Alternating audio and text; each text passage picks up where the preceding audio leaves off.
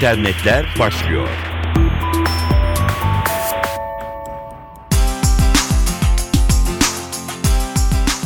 Merhaba, dijital dünyanın gelişmeleriyle karşınızdayız. Apple, Eylül ayında iOS 6 işletim sistemini sunmasıyla App Store'dan Google Maps uygulamasını kaldırmıştı. Aradan geçen 3 ayın ardından Google Maps tekrar iOS işletim sistemi için hazır hale getirildi.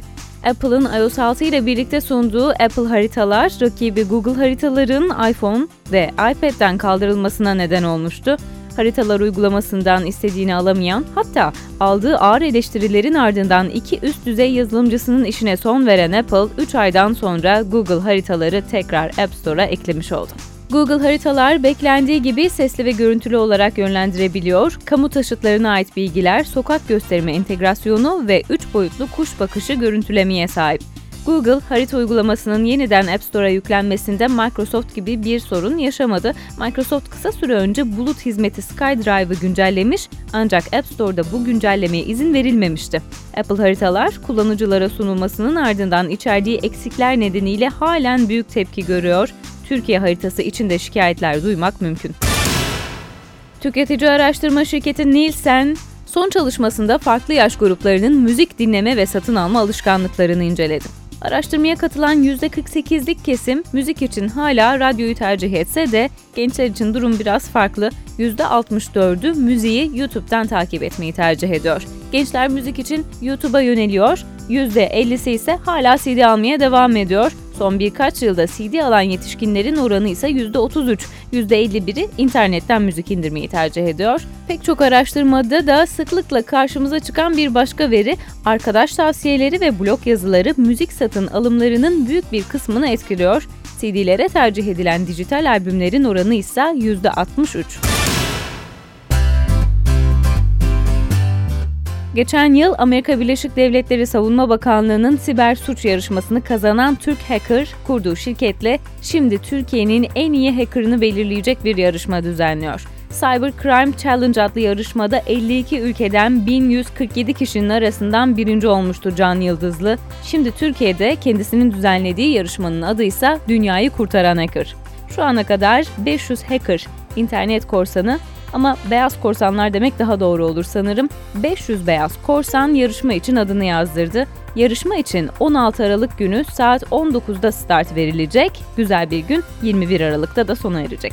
Birincinin ödülü bir dizüstü bilgisayar olacak. Tescilli hacker Can Yıldızlı, hackerlık Türkiye'de son zamanlarda hep gündemde. Yarışmayla Türkiye'nin bu alanda gerçekten ne durumda olduğunu görmek istiyoruz.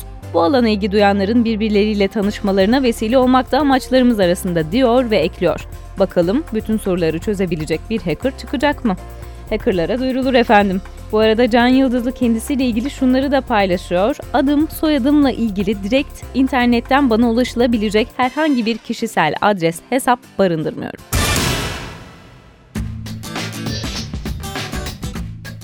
Kişisel bilgilerin dijital ortamda korunması konusuyla ilgili her zaman tartışmalar, endişeler duymak mümkün. Son olarak Sağlık Bakanı Recep Akdağ da son dönemde gündemde olan tartışmalara değindi.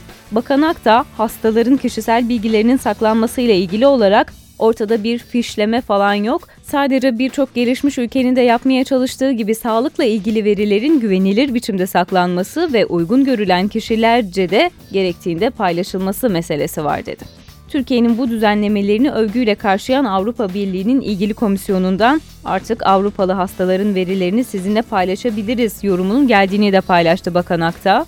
Veri bankacılığı yapmak, sağlık politikalarını belirlemek, koruyucu sağlık hizmetlerini geliştirmek ya da herhangi bir konuda geriye dönüp durumu gözden geçirmek için dijital verilerin mahremiyet gözetilerek ulusal sağlık bilgi ağında saklanması gerek. Bu bilgiler aynı zamanda izin verilen hekimlere de artık açılabilecek dedi.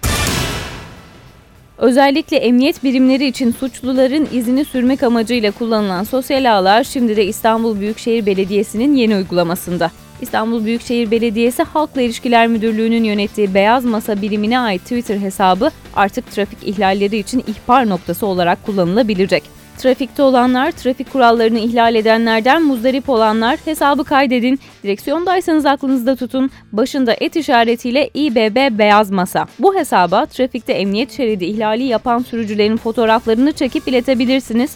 Trafik Kontrol Merkezi de sizlerden gelen fotoğrafları değerlendirmeye alacak ve plaka üzerinden belirlenen araç sahibinin adresine cezaları gönderecek. Ama şerit ihlalinde bulunan araçların aracın plakasının ve emniyet şeridi ihlalinin fotoğraflarda net bir biçimde görüntülenmesi gerektiğinin altı çiziliyor.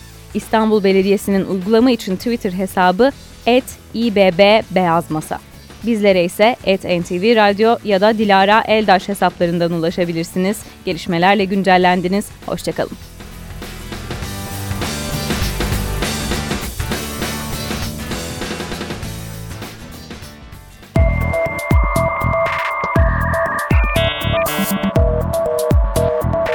İnternetler sona erdi.